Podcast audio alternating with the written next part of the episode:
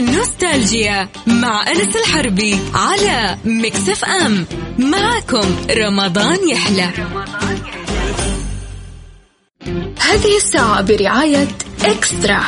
هلت عروض شهر الجود؟ عروض eXtra على الشاشات والأجهزة المنزلية. بالإضافة لعروض باقات خدمات eXtra. رمضان eXtra عروض eXtra. يسعد مساكم وأهلا وسهلا فيكم في حلقة جديدة من برنامج نوستالجيا. ضمن برنامج نوستالجيا ناخذكم كل يوم ونرجعكم لحالة النوستالجيا للحنين لماضينا وتاريخنا الإسلامي الحلو. اليوم معنا شخصية قوية وعظيمة جدا كان من أشد الناس عدائية للمسلمين. وكان من أعظم قساوسة وعلماء النصرانيين.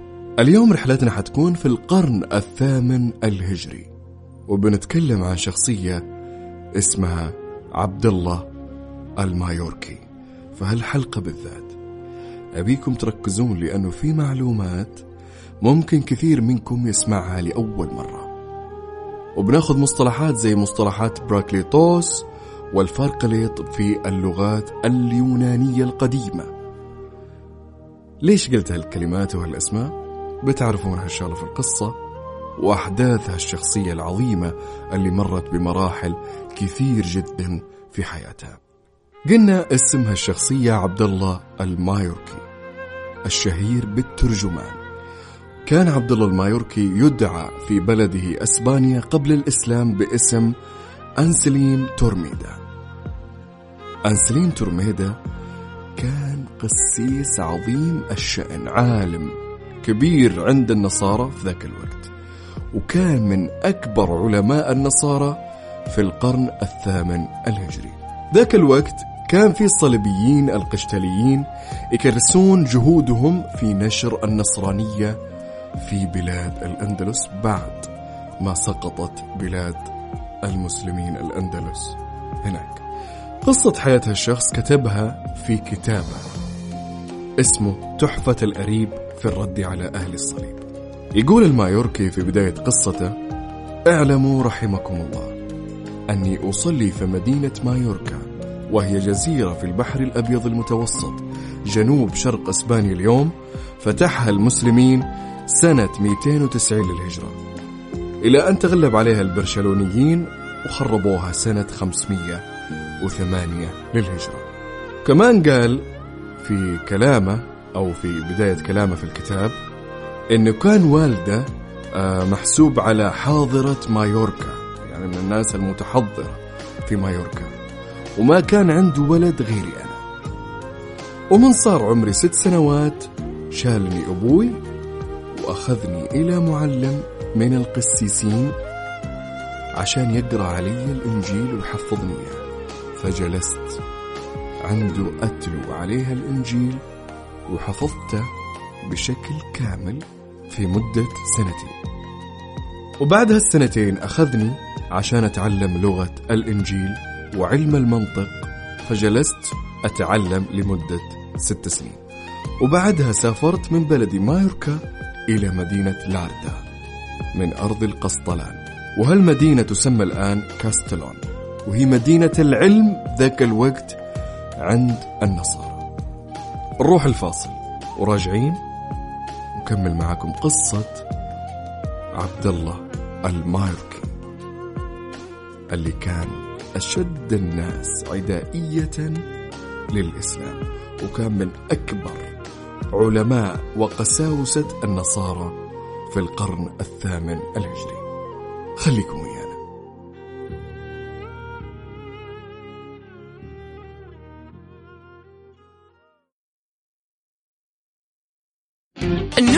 نوستالجيا مع أنس الحربي على Mix FM معكم رمضان يحلى. هذه الساعة برعاية eXtra. هلت عروض شهر الجود؟ عروض eXtra على الشاشات والأجهزة المنزلية. بالإضافة لعروض باقات خدمات eXtra. رمضان eXtra عروض eXtra.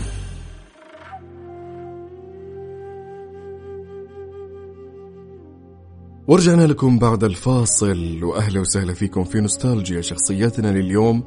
يبي لها تفتيح إذن يبي لها تركيز. اسمعوا زين آه لأن كثير من الناس ما يعرف هالشخصية ابدا اللي هو عبد الله المايوركي. قلنا عبد الله المايوركي كان اسمه انسلم تورميدا وكان من علماء النصارى في ذاك الوقت قبل لا يسلم وغير اسمه لعبد الله المايوركي. وبنكمل لكم قصة هالبطل الإسلامي ويرويها لنا بنفسه. قلنا في كتاب اسمه تحفة الأريب في الرد على أهل الصليب. قلنا أن أبوه أخذه آه عند القسيسين عشان يعلمونا الإنجيل. يقولوا تعلمته في سنتين. وبعدها رحت أتعلم لغة الإنجيل وعلم المنطق. جلست ست سنوات لين أتقنتها بشكل كامل. وبعدها سافرت من بلدي مايوركا إلى مدينة لاردا من أرض القسطلان. وهالمدينة تسمى اليوم كاستيلون؟ ومدينة القسطلان هي مدينة العلم في القرن الثامن الهجري للنصارى. في هالمدينة يجتمع آلاف من طلبة العلم من النصارى؟ ويقرأ عليهم القسيس ويتعلمون منه علم الطبيعيات والفلك ويجلسون معه سنوات. فجلس شخصيتنا لليوم اللي هو عبد الله المايركي تسع سنين. ويقول بعدها يقول تصدرت في التسع سنين هذه يعني صرت من الأوائل من المميزين من الطلاب يعني اللي فهم الإنجيل ولغته. وبعد أربع سنين ارتحلت إلى مدينة جولونيا من أرض الأندلس وهي مدينة كبيرة جدا. وهي أيضا مدينة علم عند أهل النصارى. كان يجتمع فيها كل عام من أكثر من دولة يعني من ناس يجون من العالم كله يجتمعون يطلبون العلم. يقول في ذيك المدينة سكنت في كنيسة آه، لقسيس كبير السن عندهم شايب. ومقامه عالي يعني يحترمون العلم وكان قدره كبير عند النصارى. اسمه نقلة ومرتل وكان زي ما قلنا صاحب منزلة رفيعة جدا في الدين والعلم النصراني والمسيحية فيقول الماركي كانت جينا جميع الأسئلة ويعني استفتونا من الافتاءات من جميع الملوك وتجينا هدايا لمين؟ لصاحب هالكنيسة اللي هو نقلاو مرتين يقول لدرجة بعض الناس يجون يتبركون برجول هالشخص يتبركون فيه يعني شايفينه شيء عظيم جدا ذاك الوقت. يقول وجلست أتقرب منه أتقرب وأتقرب وأخدمه أكثر من اللي حوله يقول من كثر ما صرت أخدمه أخدمه أخدمه وكل يوم عنده خلاني من أخص خواصه يعني خلاني من أقرب الناس له. يقول من كثر ما أنه وثق فيني يعني سلمني مفاتيح البيت وخزاينه ومأكله ومشربه كل شيء كان معي. وعارف متى يقوم ومتى يصحى فصرت جدا قريب يعني زي الخادم لهالعالم يقول أعطاني كل شيء. استثنى مفتاح غرفة صغيرة في البيت. ما أعطاني إياها دائما كان يروح يجلس مع نفسه فيها. فقلت الظاهر إن هذه خزانة للأموال والهدايا والذهب والمجوهرات التي تصله من الناس ومن الملوك. يقول فلازمته وخدمته عشر سنوات. نروح الفاصل ونكمل معاكم قصة عبد الله الماوركي اللي كان من علماء وقساوسة النصارى في القرن الثامن الهجري. وبنعطيكم السبب اللي خلى هالشخص يسلم. فاصل وراجعين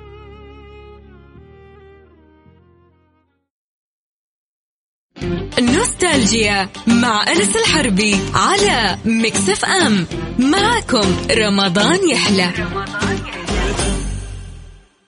هذه الساعة برعاية إكسترا هلة عروض شهر الجود عروض إكسترا على الشاشات والأجهزة المنزلية. بالإضافة لعروض باقات خدمات إكسترا رمضان إكسترا عروض إكسترا ورجعنا لكم بعد الفاصل وأهلا وسهلا فيكم. قلنا إن عبد الله الماوركي راح عند آه، قسيس يسمى نقلاو مارتيل. فجلس عنده عشر سنوات يخدمه. إلين قلنا صار من أقرب المقربين له. يعني على قولهم معطيه راسه. واثق فيه ثقة عمياء. في يوم من الأيام أصابها القسيس مرض. فتغيب عن مجلس طلابه على غير العادة. فجلس والطلاب ينتظرونه. قاعدين يسولفون في العلوم وفي العلوم يعني المتنوعة وكان عبد الله الماوركي معهم. إلين وصلوا لكلام أو جملة في الإنجيل على لسان نبي الله عيسى عليه السلام. يقول فيها إنه يأتي من بعد نبي اسمه الفارقلط. ركزوا في هالاسم يا جماعة. فالحلقة هذه أبى أعرف الناس وش معنى هالاسم. فناقشوا هالطلاب هالمسألة وقاعدين يتجادلون في معنى هالاسم. فكبر الموضوع عليهم وعجزوا يعني ما هم عارفين من هذا. النبي اللي اسمه الفارقلط. فانتظروا انتظروا القسيس فما جاء؟ فكل واحد راح في حاله. يقول عبد الله الماركي بعد ما انتهينا من النقاش وكل واحد راح في طريقه رجعت أنا للقسيس نيقلا واللي كان مريض. فقال لي وش كان عندكم اليوم؟ وش بحثتم فيه؟ وش سولفتوا؟ وش تناقشتوا؟ فغيبتي عنكم. يقول قلت له باختلاف الناس والطلاب آه، اختلف القوم في اسم الفرقليط وإن فلان اجاب كذا وفلان اجاب كذا وواحد قال كذا وواحد ألف لنا سالفة والثاني فعجزوا فقال لي وأنت يا عبد الله؟ أنت وش جاوبت؟ فقلت أنا جاوبت بجواب القاضي فلان بن فلان في تفسيره للانجيل فقال قصرت وقربت وفلان أخطأ. كاد فلان اللي تقول عليه يقرب من المعلومة لكن اللي عرف هالاسم زين هم العلماء القديمين في العلم. وأنتم لساعكم طلاب فما بتعرفون هالاسم ابدا مهما بحثتم يقول عبد الله رحت الرجلين وأنتم بكرامة أبي أقبلها. وقلت له يا سيدي يا مولاي أنت عارف أني ارتحلت الاماكن جدا كثير وجيتك من بلاد بعيدة عشان أخدمك وعشان أتعلم. وجلست أخدمك عشر سنين وأخلصت في خدمتك عشان العلم مو عشان شيء ثاني. ابد فأبيك تعلمني وش هالاسم. فمن شاف هالقسيس إصرار عبد الله الماوركي وتذلله عنده عشان هالاسم عشان هالمعلومة جلس يقول أنا أبي أعلمك معنى هالاسم لكني أخاف عليك من النصارى إذا عرفت معنى هالاسم. فاستغرب عبد الله الماوركي وش هالاسم؟ اللي لا عرفته؟ بيذبحون النصارى. وانت تعرفه.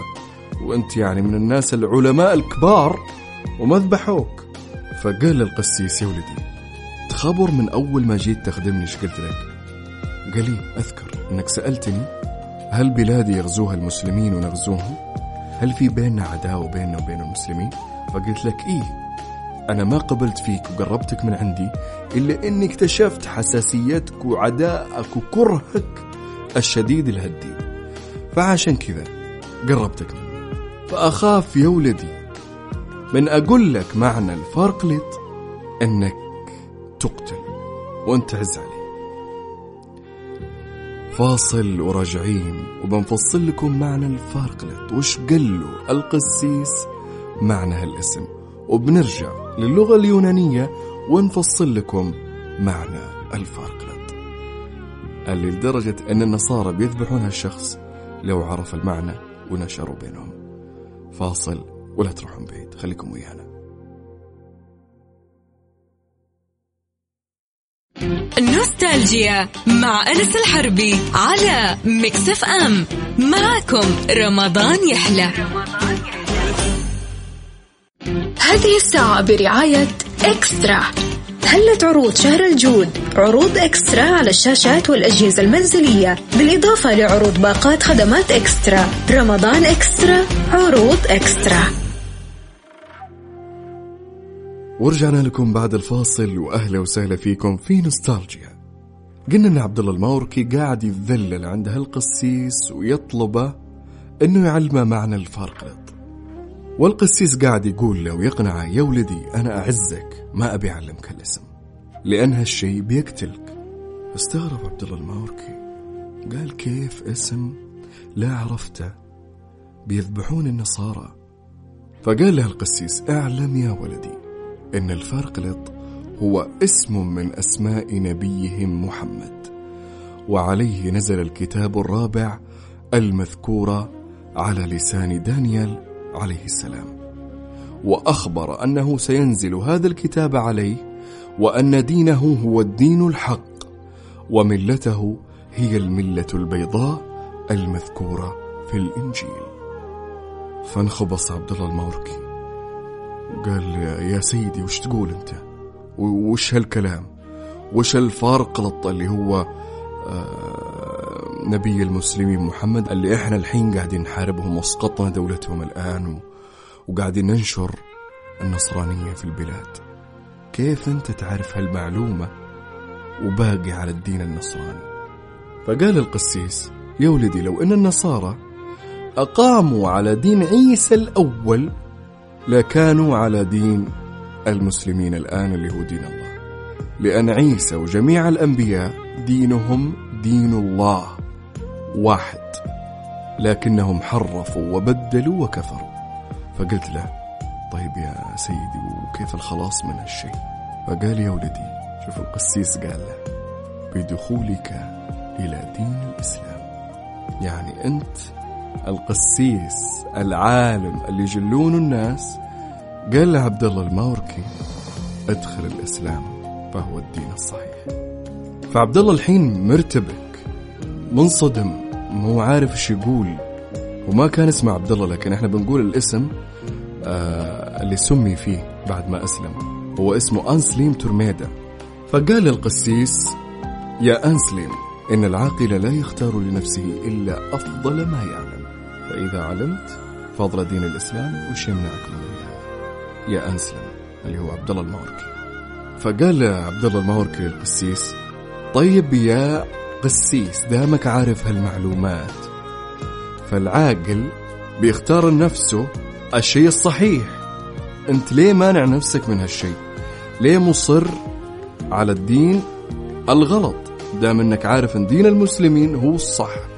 فقال يا أنسلم اللي هو عبد الله الماوركي كان اسمه أنسلم قبل الإسلام. قال إن الله لم يطلعني على حقيقة ما أخبرتك به من هذه المعاني وأن الإسلام هو الدين الصحيح ونبيهم هو اللي على حق إلا بعدما طحت وعجزت وشيبت وخلاص وصرت ذو مكانة عند ملوك النصارى وعند عامة الشعب. فما أقدر بعد هالسنين إني أسيب النصرانية ولا أنا عارف إني على غلط. فقال عبد الله الماوركي يعني تعطيني الحقيقة وتقول لي روح اسلم وأنت من الناس اللي أشد عداوة للإسلام وقاعد تنشر الدين النصراني الآن في الأندلس وتجيب طلاب العلم من كل مكان عشان تنشر هالدين وهو غلط. يعني أنت بتقول لي إنك فضلت الترف والسمعة على الحق؟ فسكت الشيخ وزي اللي تجاهله. وبعد شوي ناظر القسيس في عبد الله الموركي وقال له أكتم هذا في صدرك واذهب لبلاد المسلمين. لا تقول شيء إني قلت لك شيء هنا عشان لا يقتلونا فقال عبد الله طيب يا سيدي دلني. وين أروح؟ عشان أدخل في الدين فيقول عبد الله المايوركي دلني القسيس وأعطاني زاد وأكل وزودني بخمسين دينار ذهب. يقول رحت طلعت البحر. يقول رحت لديرتي مدينة ميوركا عشان أشوف أبوي وجلست مع أبوي ستة أشهر. يقول بعدها سافرت إلى جزيرة صقلية وجلست فيها خمسة شهور. وأنا أنتظر مركب يتوجه لأرض المسلمين. يقول فجاء مركب بيسافر لتونس. فسافرت فيه من صقلية إلى تونس. يقول لما نزلت بتونس سمع بأحبار النصارى في تونس وإني أنا حاضر عندهم لأنه كان قلنا عبد الله الماركي كان من أكبر العلماء وكان خادم لأكبر القسيسين في ذاك الوقت. فمن سمعوا النصارى إن أكبر علمائهم جاي يقول جوني على المرسى وأنا نازل من المركب وشالوني معهم بمركب إلى ديارهم. يقول من وصلنا جلست عندهم في ضيافتهم مدة أربع شهور. بعدين سألتهم وين سلطانكم؟ فاصل وراجعين مكملين معاكم قصة عبد الله الماوركي اللي كان قلنا من أقوى العلماء النصرانيين والقساوسة في علم الدين النصراني. واللي أسلم الله هداه للإسلام بسبب كلمة قالها له القسيس. فاصل وراجعين. خليكم ويانا. نوستالجيا مع أنس الحربي على Mix FM. معكم رمضان يحلى. هذه الساعة برعاية إكسترا. هلت عروض شهر الجود عروض إكسترا على الشاشات والأجهزة المنزلية بالإضافة لعروض باقات خدمات إكسترا. رمضان إكسترا عروض إكسترا. ورجعنا لكم بعد الفاصل وأهلا وسهلا فيكم. قلنا انه عبد الله الماوركي اتجه آه، من صقلية إلى تونس آه، بعدين قابل ناس أحبار من النصارى وكانوا معظمين جدا لأنه كان من كبار القساوسة عندهم ومن العلماء النصرانيين اللي ينشرون الدين النصراني. فاستقبلوه وقعد عندهم أربع شهور بعدين سأل عن السلطان وش اسمه فقالوا له إنه اسمه أبو العباس أحمد. وقالوا له إذا تبي توصل للسلطان في واحد هنا ساكن قريب من هالحي طبيب السلطان اسمه يوسف. آه، فراح لعبد الله الماوركي وقال له أنا جاي عشان أسلم. ففرح طبيب السلطان اللي اسمه يوسف. فرح كبير جدا وقال هذا من أعظم علماء النصارى. جاي بيدخل الإسلام. يقول عبد الله الماوركي فاتجه الطبيب لقصر السلطان وشالني معه على فرسه إلى دار السلطان. ودخلنا عليه. فقال له طبيب يوسف عن سالفتي وإني أبي أدخل الإسلام. يقول فأول سؤال سألني يا السلطان عن عمري. كم عمرك؟ فقلت له 35 سنة. يقول بعدها سألني آه، وش جايبك وش تبي؟ وليه تبي تخش الإسلام؟ يقول فشرحت له كل الأمور اللي حدثت معي. فقال لي جابك الله خير فأسلم على بركة الله. فبعد ما أسلم راح سأل السلطان وقال له أبي منك خدمة. أنت عارف أن النصارى إذا أحد خرج من دينهم بالذات أنا شخصية عظيمة عندهم كبيرة يعني ومن الناس المؤثرة. إني أسلمت فأكيد بيذبحوني ما فيها كلام. بيقتلوني أو بيرسلون ناس يقتلوني. قال له فأبي منكم أنك تحسن لي وتجيب الأحبار النصارى اللي هنا عندك. لأنهم عارفين أنا مين واستقبلوني أقوى استقبال معظميني ومقدسيني جدا. فقال للسلطان أنت طلبت ما طلب عبد الله بن سلام من النبي محمد صلى الله عليه وسلم حين أسلم. كان الصحابي الجليل عبد الله بن سلام سيد من سادات اليهود وزعيمهم. فمن علم بقدوم رسول الله صلى الله عليه وسلم أسلم. إلا أنه طلب من الرسول صلى الله عليه وسلم أنه يسأل اليهود. فراح النبي محمد صلى الله عليه وسلم فسألهم وقالوا إنه سيدنا. فلما دريوا بإسلامه قالوا إنه شرنا وسفيهنا. المهم أرسل للسلطان إنهم يجيبون أحبار النصارى وبعض تجارهم ومعظم ال ال ال النصارى الكبار هناك اللي مكانتهم مرموقة في تونس. فجوا. فسألهم السلطان وش تقولون في هذا القسيس؟ فقالوا له يا أيها السلطان هذا عالم كبير في ديننا. ومثل ما تناقلوا علماءنا إنهم ما شافوا أعلى من درجة علم هالشخص. فقال لهم وماذا تقولون لو أسلم؟ فقالوا مستحيل ما يفعل ذلك أبدا. فقال لهم ترى أسلم وأنا اللي شهدت على شهادة إسلام وأنا سلطانكم. فتقلبت وجيههم وقالوا ما حمله على هذا إلا حب التزاوج. لأن القسيسين ذاك الوقت ما يتزوجون أبدا يوهبون كل حياتهم للرب ولدينهم ونشر الدين النصراني. فقالوا هذا الرجل ما غير دينه إلا عشان يتزوج. فخرجوا هم غاضبين حزينين يعني مكتئبين. إن أكبر عالم عندهم أسلم. يقول عبد الله الماوركي فرتب لي السلطان مصروف أو مبلغ يجيني كل يوم. وزوجني ابنة شخص اسمه الحاج محمد الصفار. يقول تمر الأيام وجاني ولد اسميته محمد باسم النبي محمد صلى الله عليه وسلم. نروح الآن فسر لكم معنى كلمة الفارقلت. كيف هالكلمة حولت أنسليم ترميدة من أشد كارهي الإسلام ومبشري الدعوة النصرانية ومن أكبر علماء وقساوسة النصارى في ذاك الوقت إنه يتحول إلى الدين الإسلامي ويسمي نفسه عبد الله المايوركي. والمعنى لكلمة الفارقلت هي أفضل التفضيل أو أحمد. فالتحريف حصل أنه تحول شيء بسيط من اللفظ الأصلي باركليتوس ومعناها أشهر أحمد أنبل أعرف. وهذه هي الكلمة الصحيحة واللي ذكرت في الإنجيل باسم أحمد. لكن زي ما قلنا الإنجيل محرف. وقلنا بعد ما استقر عبد الله الماوركي في تونس تعلم اللغة العربية. ليؤلف بالعربية هالكتاب اللي نقلنا لكم قصته. وهالكتاب الأول من نوعه في إثبات نبوة محمد صلى الله عليه وسلم. من الكتب المقدسة ثم إثبات التحريف في الإنجيل والأدلة والبراهين. هالكتاب اسمه تحفة الأريب في الرد على أهل الصليب. هذا المرجع الأول والأساسي لكل طالب يقارن في الأديان عبر جميع العصور. كتاب ألف من شخص كان من علماء ومن عظماء النصرانيين ذاك الوقت. ومن كارهي الإسلام ومن تحول للإسلام عن طريق شيخ كان خادم عنده وقال لنا الإسلام هو الدين الصح. عكف على هالكتاب إلين طلع جميع الدلائل. اقروا هالكتاب يا جماعة. حتشوفون أشياء غريبة جدا قصص عظيمة جدا.